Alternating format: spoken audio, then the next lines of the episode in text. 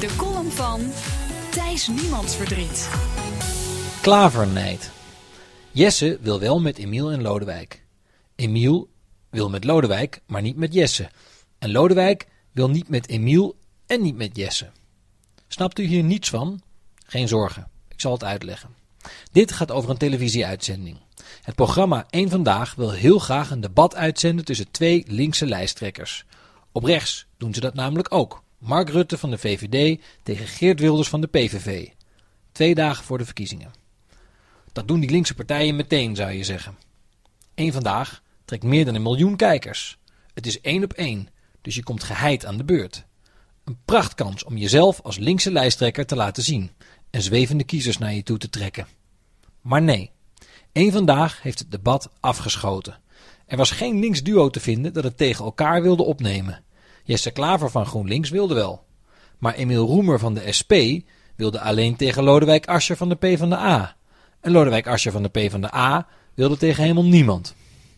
Volgens mij zit hier het volgende achter. Klavernijd. De jonge GroenLinks-leider trekt volle zalen. Hij staat goed in de peilingen. Op Facebook wordt de deur platgelopen. Oké, zijn optredens zijn nogal gescript en het lijkt allemaal wel erg veel op Obama en Trudeau. Maar dat vergeven zijn fans hem onmiddellijk. Klaver maakt een serieuze kans om zijn partij op 15 maart de grootste te maken op links. En dat zorgt voor chagrijn bij PvdA en SP. Ze willen zelf de grootste op links worden. En ze ergeren zich aan de Klaver-cultus. Ze vinden dat hij doet alsof hij al gewonnen heeft voordat er één stem is uitgebracht. In de wandelgangen schamperen ze over zijn opgestroopte mouwen en zijn hippe taalgebruik. Bij de PvdA noemen ze Klaver schertsend de Jessias.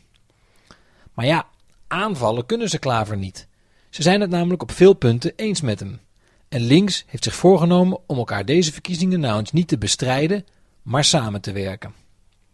Wat Roemer en Ascher wel kunnen, is Klaver niet groter maken. En dat is precies het gevaar bij zo'n één op één debat.